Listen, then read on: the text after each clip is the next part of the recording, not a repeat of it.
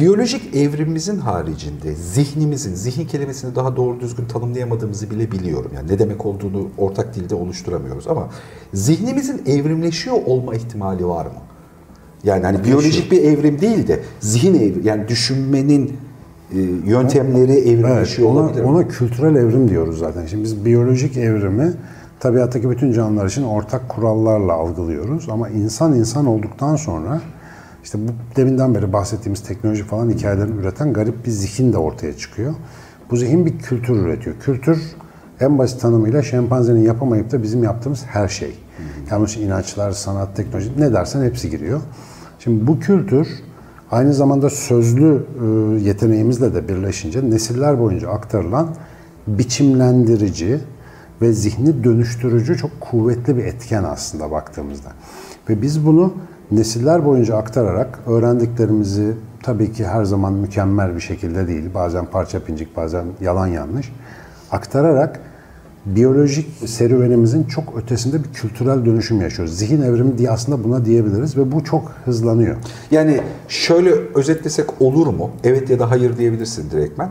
Biyolojimize yansımadan yani hani beynimizin nöron ya da sinapslar bağının herhangi bir şeyde hiçbir değişiklik olmadan sadece bir şey öğretme ve öğrenme ile ilgili geliştirdiğimiz kültür yeni doğan bir çocuğa böyle öğrettiğimiz için bundan 100 yıl önce doğanla şimdi doğan arasındaki sıçramalı davranış mümkün mü? Bu, bu Oluyor evrim zaten. diye tarif o- el- olabilir mi? Kültürel evrim diye gayet rahat tarif edebiliriz. Bunun adı bu. oluyor. Bu vaka yani mevcut bu. Çünkü bir şeylere onlar çok daha ileriden başlıyorlar kültürel olarak. Bir takım alışmışlıklar, daha beyin gelişmeden önce karşılaşmalar, görmeler, o teknolojiye maruz kalmalar falan. Burada yalnız total etki şu, net olarak en sonunda gördüğümüz. Dediğim gibi tarihsel biyolojik donanım bir sürü çetrefilli sorunu çözmek için vardı. Şimdi o sorunların neredeyse hiçbirisi yok. Yeni ama bizim ihtiyaçlarımız doğrus- doğrultusunda modellediğimiz medeniyetin çok böyle sınırlı problemleri var. Biz bu problemleri çözmek ve onlarla yaşamak konusunda bir alışkanlık geliştirdikçe o çetrefilli yetenekler patır patır kaybediliyor. Bunun da en güzel kanıtı son 5-6 bin yıldır bizim beyin hacmimiz %5 ila 10 civarında küçülmüş vaziyette. Niye beyin küçülüyor? Çünkü artık o kadar beyne ihtiyaç yok. Ne kadar süre içerisinde? 5-6 bin sene içerisinde bu kafa taslarından falan yapılan ölçümler. Beynin küçülmesi demek illa patolojik kötü bir şey anlamı taşımıyor burada. İhtiyaç azalınca çocukluktan itibaren düşünelim. O kadar beyni geliştirecek bir zorlamayla karşılaşmıyorsunuz ve bu gittikçe daha küçük beyinli yani bazı özellikler açısından daha fukara olan bireylerin de yaşaya kalmasını sağlıyor. Onlar çeşitli avantajlara da sahip oluyor olabilirler. Hızlı karar alma, daha çok üreme falan filan gibi. Tabii tarihsel olarak bunların bakılması lazım. Ve netice itibariyle şu anda net gördüğümüz ortalama sonuç Homo sapiens'in beyin hacmi sürekli işte son 1 milyon senede böyle tavana doğru artarken şimdi baya baya bir düşüyor. Biz neticede total sonuç şu.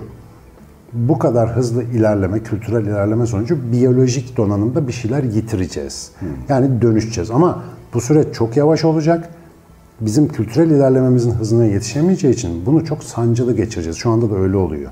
Mesela çocuklarda şimdi internet bağımlılığı, sosyal medya bağımlılığı ayrı ayrı hastalıklar olarak tanımlanmış vaziyette. Klinikte yeri var yani buna göre uygulamalar geliştiriliyor, tedaviler araştırılıyor. E bu yoktu 5 yıl önce. Bu yıl önce. senenin kelimesini nomofobiye olarak belirlediler işte Tabii. bu. bu. Nomofobi var, FOMO var, şu var, bu. Bir sürü böyle internet tabanlı sorun terimi çıktı. Şimdi bu şey bize, yani bu gerçeklik bizim hep bu sorunu yaşayacağımızı gösteriyor. Sorunun farkında olmak insanın çok önemli bir özelliğini devreye sokuyor. Adaptasyon. İnsan en üst düzeyde adapte olabilen canlıdır. O yüzden her canlı belli bir habitatta yaşarken biz her yerde yaşıyoruz. Her yere uyum sağlarız biz yani. Buna da uyum sağlarız ama sorunun farkında olursak teknolojiyi ona göre yönlendirme şansımız olur. Mesela diyorum ki bir IT firması olsa dese ki ben biyolojik uyumlu teknoloji yeniden yaratacağım. Yani yeni bir Steve Jobs çıksa. Ama bu sefer kendi kafasındakine göre değil de biyolojik adetlere göre bir teknoloji nasıl üretilere kafa yormaya başlasa. Mesela bu bir kişinin de becerebileceği bir şey değil. Hakikaten önemli bir çaba olurdu. Ki bunu yapanlar var. Ama hala tabii e, çok belirgin bir şey göremiyoruz çünkü ana akım eğilimler var yani insanların tüketim alışkanlıkları var. Peki yeri geldiği için soruyorum sadece. Yani biz öyle ya da böyle çok uzun döneme yaygın bir evrimin bir kesitindeyiz hala aslında bir, bir şeyle alakalı oluyor. Hiç buna şahit olduğunu zannettiğin ya da bunun bir olasılık olduğunu düşündüğün evrimsel olarak bir değişken var mı hayatımızda? Ee, yani biyolojik evrim anlamında. Biyolojik evrim anlamında soruyorum, kültürel değil. Evrimin hala devam ettiğine dair çok net zaten dokümante edilmiş şeyler var. Ne var mesela? Bel ağrısı mesela. Ee, şimdi çoğu insan bel şikayeti yaşar. Boyun işte bende başlamış hafiften sıkışmalar, daralmalar. Şimdi bütün bunlar aslında dik durma meselesini tam halledemediğimizi ya da yaşadığımız hayatı tam dik duran bir canlı olarak yaşayamadığımızı, yani uyumlanmamızın %100 olmadığını gösteren bir örnek. Bir başka örnek, işte sütte malum laktoz diye bir şeker var. O şekeri normalde insanlar sindiremiyor. Fakat şu anda insanların %30-35 civarında bir grubunda, özellikle bunlar Kuzey Avrupa'da yaşayanlar başta olmak üzere, bir dönem sütü çok tüketmek zorunda kaldıkları için laktaz enziminin üretimi bu kişilerde evrimleşiyor. Ve e, bunlar da tabii avantaj sağladığı için, sütten besin alabildiği için bunu yavrularına daha çok aktarabiliyorlar.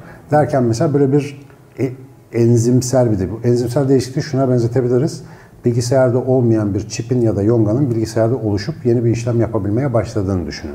Atıyorum ses kartı olmayan bilgisayarda Güzel ses örnek. kartı çıkıyor gibi. Güzel örnek. Dolayısıyla mesela bu tip uygulamaları görüyoruz. Mesela şu anda göz yapımız değişiyor. Miyop şehirlerde salgın halde. Sebebi güneş ışığına az maruz kalmak. Gözler güneş ışığı istiyor doğru gelişim için. Güneş ışığı az olunca göz yapısı değişiyor. Bu sefer muhtemelen bunlar herhalde bu takım prostetikler diyelim. Artık belki mecburi hale gelecek. Ee, ama Daha erken yaşta kullanmak zorunda olduğumuz bir şey ya olacak. evrimle ilgili en önemli sorun şudur. Milyonlarca yıllık bir öykü olduğu için mesela insanın 5000 yıllık tarihine bile şöyle her günüyle vakıf olsam bile kolayca göz önüne Anlaşılabilir getirebileceğim bir bir şey şey değil. olmayacak. Ben buna hep şu örneği veririm. Sanıyorum hani izleyenlere de faydalı olacaktır o örnek. Bugünden doğduğunuz güne kadar her saat bir fotoğrafınızın çekildiğini düşünün. Yani doğumuzda başlamış her saat bir fotoğraf çıkıyor. Hepsini arka arkaya dizdik böyle kartelalar şeklinde. Tık tık tık tık tık geriye doğru gidiyoruz. Genellikle bir soruyu soruyorum işte şu anda erişkinseniz hangi fotoğraftan sonra genç ya da hangi fotoğraftan sonra çocuk ya da hangi fotoğraftan sonra bebek oluyorsunuz? Öyle tek bir fotoğraf yok. Bütün fotoğraflar size ait ama o kadar dereceli bir değişim var ki her saat bile çeksek ya da gün gün bile hatta hafta haftada çeksek o ayrımı Ayırt yapamayız. edemeyiz, evet. Böyle sürekli değişimi o yüzden algılaması biraz zor. İşte hep sorulur yani yani maymundan mı geldik kardeşim falan. İşte pek öyle değil. Yani bütün insanların annesi babası insandır. Onda hiçbir tereddüt yok yani. Ama geriye doğru gittiğinizde insanların tipi biraz kaymaya başlayabiliyor birkaç milyon sene önce. Kaymak derken o güne göre onlar çok yakışıklı canım. Onlar bizi görseler bunlar ne cırcıplak falan böyle falan diye muhtemelen dalga geçecekler yani. Biraz mesele öyle bir mesele. O yüzden de bugünü o anlamda tam fehmedebilmek için çok ciddi bakmak lazım evrimsel tarihe. Evrim konusunu e, bir sürü yerde anlattığını ya da konuştuğunu biliyorum ama hala böyle gerçekten düzgün analizleyerek cımbızla hala bu konuyu çok soran, çok manipüle edilen bir konu ya evrim. Herkes tarafından manipüle ediliyor bu arada. Tek taraflı bir manipülasyon değil e, bir şeyde. Düzgün anlatmayı da bir günün konusu yapalım. Başından sonuna adım adım bakayım. Yapalım ama istersen burada ben bir kısa bir şey söyleyeyim. Bu konunun e, diğer bütün bilgiye dayalı konularla ilgili çok önemli bir e, özelliği var. İnsan anlattığı bir şey var. İnançlar bizi rahatlatır. Anlatılar bizi rahatlatır. Kesinlik ihtiyacımızı karşılar. Ama bilgi girdiği zaman arıza çıkması kaçınılmazdır. Çünkü bilgi aktarılan inançlara genellikle ters düşer ya da ondan farklıdır. Bilgiye açık olmak çok duru ve biraz daha eğitilmiş bir zihin gerektiriyor. Eğer bu zihin yoksa her türlü bilgi, hele ki insanın neliğine dair bir bilgi her zaman arıza çıkarır. Her taraftan arıza çıkarır. Bu bir uyarı oldu galiba. Tabii her taraftan arıza çıkarır. O yüzden çok önemlidir. Benim hayatımda yaptığım en zevkli işlerden biri gene gelsem gene aynısını yaparım. Bu arada üşenmeyip bir antropologla beraber çalıştım bu konu üzerine gerçekten. Allah Merak Allah. edip çalıştım. Oo, özel special çekeceğiz ona. İki hafta, üç hafta buna yani hani soru sorup cevap almalı bir ortamın içerisinde çalıştım. Benim kafamda da yani tüm düşünme yöntemlerindeki iyi bir kütüphanedir. Yani onunla çözdüm bir sürü. Anladım daha doğrusu hissettim. Aa, İnsanın böyle oluyor. kendini anlaması için şu anda en iyi giriş kapısı Evet. bir beyin yani zihin bilimleri, iki evrimsel biyolojidir. Yani ne olduğumuzu anlamanın en güzel kapıları bunlar. Sadece bunlar değil ama en güzel kapıları bunlar. Evet. Çok işimi kolaylaştırmıştı. Seçim var. Kime oy vereceğiz? Ya benim şimdi yerel seçim olayında bak anlamadığım bir şey var. Mesela bazı şehirlerde hep aynı parti Bak ne kadar riskli bir konu değil mi? Yok, yok. Kime oy vereceğiz? Çok süper. Yani o soru zaten bana sosyal medyada en çok sorulan soru. Cevap vermediğim zaman da benim böyle bir "Ha, işte hem oradan hem buradan olmakla falan çok eleştirim. Çünkü bu Türkiye'de seni en güzel tanımladıkları yer işte oy verdiğim partidir ya. Yerel seçim, yerel yönetim seçmek için yapılan bir şey. Yerel yönetim ne iş yapar? Yol yapar, su yapar, bir şey yapar değil mi? Bizde kimsenin bunları sorduğunu görmedim. Yani ne seçtiğimizi çok merak ediyorum yıllardır. Ee, Mesela bazı şehirlerde hani artık yaş haddinden emekli olana kadar bu işlere devam eden insanlar oluyor. Bazı yerlerde sadece o partinin altında kim olursa hep o seçiliyor. İrrasyonel davranışın harika bir laboratuvarıdır seçimler benim için. İnsanın akıl bunu dışı konuşmak davranışı. için, evet. Tabii. Yani ben mesela gerçekten eskiden siyasetle ilgilendim. Siyasi bir dergide yazılar yazdım. Sonra baktım 3 ay sonra bir yazı yazdıktan 3 ay sonra o yazının hiçbir hükmü kalmıyor. Son derece boş ve anlamsız bir şeye dönüşüyor. Dedim ki bana müsaade. Ben o dergiden ayrıldım. O günden beri de siyaset benim sadece internette gezerken kazara pop-up'larla karşıma çıkan bir şey oldu. Hiçbir şekilde takip etmem, ilgilenmem de. Çünkü benim gerçek siyasetim hayatta. Kendime öyle bir politika belirledim. Oraya etkim yok ama buraya etkim var. Bak şu anda biz aslında bir siyaset yapıyoruz. İnsanlara bir takım bir şeyler anlatmaya, bir şeyler empoze ediyoruz hatta. Bazı fikirler ve düşünceler. E Ama bunları devlet yönetiminde kullanırlar, kullanmazlar beni ilgilendirmez. Ya, o duruma göre değişir. Fakat şu gelecek seçimler gene benim için çaktırmadan, akşamları yatmadan önce sosyal medyadan, haber sitelerinden böyle uzaktan uzağa takip edeceğim ilginç bir demonstrasyon olacak. Çünkü değişen hiçbir şey olmayacak. E Çünkü bizim kafa yapımız değişmedi, hep aynıyız. Sormayacağız. Bu gelen ya da gelmek isteyen kişi bana ne fayda verecek ya da ekibi nedir, yeterliği nedir, işte vaatleri nedir? Hiçbirine bakılmıyor. Demokrasi geliyor. Demokrasi partimizle geliyor. Demokrasi ne demek sayın hemşerilerim? Demokrasi öyle bir şeydir ki tadından yenmez. Anladınız değil mi? Bazı ortamlarda gerçekten bu sanat eğitimi almanın bir avantajı olabilir. En çocukça soruyu sorma e, işi eğlenceli hale getiriyor yani. En basit soruyu sorma. Şeyi hatırlıyorum. ilk öğretmenliğe başladım seneler evvel. Trabzon'un bir kasabasındayım. Masada işte kasabanın milli eğitim müdürü vesairesi falan falan da var. Basit soru. E, koca kasabada üniversite kazanan 3 kişi var. Neden? Bu kadar öğretmen var. Neden? Yani hani niye bu 13, 33 ya da 43 değil? Hani çok olasılık çünkü tonla okul, işte tonla ö- yani kötü bir öğretmen misin? Değilsin. Sen kötü bir milli eğitim müdürü müsün? Değilsin. Bu arada çalışıyor adamlar. Ama hani bu, bu basitlikte sormak soruyu. Yani niye üniversite sınavını kazanan sayısı 3 ya da 13 hatırlamıyorum. Çok küçük bir rakamdı sadece e, şeyde. Şunu hatırlıyorum. Herkes 60 saniye boyunca sustu. Sonra bakkaldan şu alındı mı diye başka bir konuyla devam etti. hani o basitlikte sorma hali. Mavi ekran reaksiyonu. Yani bir de hani azıcık da şey oldu. Soru çok çocukça olduğu için ben çok idealist. Hani bir yere koyuldu, konu ka- kapandı. Şimdi aynı idealizmle masada bunu birkaç yıldır yapıyorum şu oy vermeyle alakalı. Tüm politik alternatiflerden ayrı. İki tane kriter var seçkide. Fikrin, düşüncen, e, toplumsal anlamda, bireysel anlamda, ekonomik anlamda, düşüncelerine uygun siyasal anlamda bir yapı var mı? Ama bunu hani ta- ben bu fikirlere katılıyorum. Bunu tartışmadan katılıyorum. Bunu doğru buluyorum. Bu alternatif doğru buluyorum diye. Bu birinci alternatif. İkincisi bu yapıyı ahlaken arkadaşına işte ben Sinan'ı seviyorum. Bak e, Sinan Mehmet'le tanışır mısın? Bülent'le tanışır mısın? Bu çok iyi bir adamdır diye. Bunu refere edecek kadar ahlaken değerli, anlamlı buluyor musun? Kefil olur musun? Kefil olur musun buna? Şimdi bu iki soruyu cevapladığımızda siyaseten tercihlerimizin zemini çıkıyor. Derin mavi ekran bu sorular. Ee, fatal error. Aha, yani bu çocukça bir soru bu. Şimdi bunu koca koca adamlara masada, entelektüel anlamda çok derinlikleri olan, politik anlamda bir sürü şeylerle uğraşan adamlar için anlamsız bir soru, soru grubu oluyor. Çünkü anlık çıkarlar, bir- yani şeyi soruyorsun. E, hocam anlık çıkarlarla ilgili konuya karar veriyorsan çıkarları ve gücü senden daha iyi olana konu kaybediyor olmanı tartışma. Yani eğer sen de böyle karar veriyorsan bunu tartışma çünkü birisinin anlık çıkarları senden daha güçlü olacak Aynen. alan içerisinde. Her zaman. Ama, ha, yani burada basit bir idealizme ihtiyaç var ya böyle bir şeyi tercih ederken. Yani şeyi söyleyebilme halini. Ya da mesela olmuyorsa bu beni aa yani teorik olarak beni e, beni temsil edebilecek fikre sahip bir yapının olmamasına tuhafsa mesela. Aa niye yok diye. Çünkü biz marjinal insanlar değiliz ki. Aa, işte bunun için çıldırıyorum yıllardır. Yani üç kutu var, herkes dört kutu var. Herkes o kutulara girecek. E ama yani buradan şeyi öğreniyoruz ya işte yani hani algı yönetmenin aslında ne kadar seçeneksiz olduğumuzun yani hani seçeneklerimizin ne kadar daraltıldığının bir sonucunu öğreniyoruz ya. Onlar bir seçenekmiş gibi gösteriliyor. 2, 3 ya da 5 hani hikayesi. Aslında pratikte bunlar seçenek değil ki. Hani Hiçbir şey seçeneksizliğin içerisindeki zaruriyete dönüştürülen Dünyanın en gelişkin sistemi olarak kabul edilen Amerika Birleşik Devletleri de demokrat cumhuriyetçi bitti. Hem de böyle gayet fasılalı da gelip gidiyorlar yani. Aynen öyle. Hiçbir şey değişmiyor. Dikkat. Yani ülkenin genel politikasında şurada burada. Biz seçenek illüzyonu içerisinde oynatılıyoruz gibi bir durum var. Yani illüzyon bu. Başka bir şey Basit bir soruyu sorma hikayesi ve bu soruyu cevaplama hikayesi. Yani benim fikrime uygun temsil edebileceğini düşündüğüm bir yapı var mı?